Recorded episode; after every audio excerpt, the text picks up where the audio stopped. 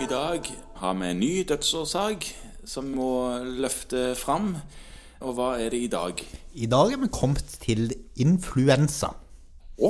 Ja. ja, sesonginfluensa. Sesonginfluensa. Hvor mange dør av den da, hvert år? Nei, Ifølge dødsårsaksregisteret så døde det i 2018 342 stykker. Det hørtes lavt ut. Har ikke vi hørt at det er mye mer enn det hvert år? Jo, altså da er det jo viktig at dette er dødsårsaksregisteret. Så det her har det stått influensa øverst på dødsattesten Ja. som første og viktigste dødsårsak. ja. Og når vi snakker om at det i Norge dør 1000, 900 000 hvert år Ja. på en vanlig influensasesong, Ja, jeg trodde det. så er det influensarelaterte dødsfall. Ok, Så det er ikke sikkert det var dødsfall som skyldtes influensa primært? Nei, eller kan snu på det så kan jeg si Vi tenker at det er dødsfall som skyldes influensa primært, men som kanskje gjør at du dør av noe annet. Så si at du får influensa, som følge av det får en lungebetennelse, og dør av lungebetennelsen, så vil det kunne bli betegna som et influensarelatert dødsfall. Eller at det får være hjertesvikten eller Ja. lungesykdommen din. Eller. Eller diabetesen din. Eller. Ja. Og så er det det som kanskje havner på dødsregisteret. Ja. Men dødsårsaken er like fullt kanskje influensarelatert.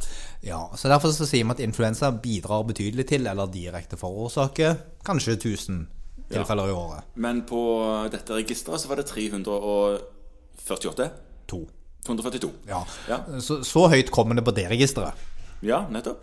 Men man kan jo ikke behandle mm, influensa. Altså, du kan ikke gå og ta eh, medisiner. Det nytter ikke med antibiotika. Hva gjør man, liksom? Nei, Nå fins det jo noen medisiner som man tenkte kanskje muligens hadde en viss effekt mot influensa. Det er dårlig.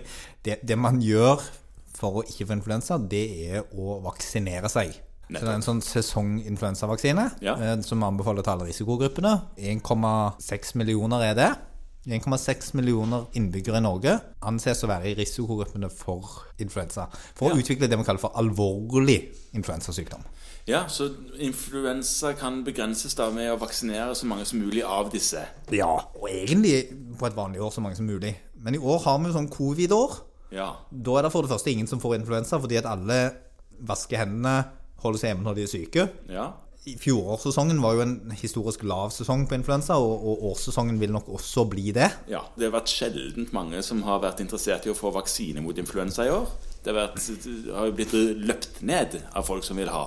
Ja. Som ikke får, for rett og slett fordi at man skal vaksinere risikopasientene først. Ja, og vi har ikke nok til risikopasientene og hjelpepersonell, så det er faktisk en utfordring. Men på et vanlig år så oppfordrer vi jo så mange som mulig til å ta den influensavaksinen, fordi det er det som stopper spredningen av influensa. Og det er egentlig den behandlingen som man kan gi for influensa, som er en virussykdom. Ja. På verdensbasis så er dette et kjempeproblem. WHO anslår at én milliard En milliard mennesker. får influensa hver sesong. Ja, og en del av disse dør. Så det er klart at det, det tar jo unna litt, da. Ja, og en annen ting er at du kan se på det som et rent sånn samfunnsproblem at en milliard mennesker blir syke. I den tiden vi er nå, covid-tiden, så har jo færre blitt syke. Nå skal det sies at mange har vært borte fra jobb, fordi at nå er du jo det hvis du er litt snufs. Ja.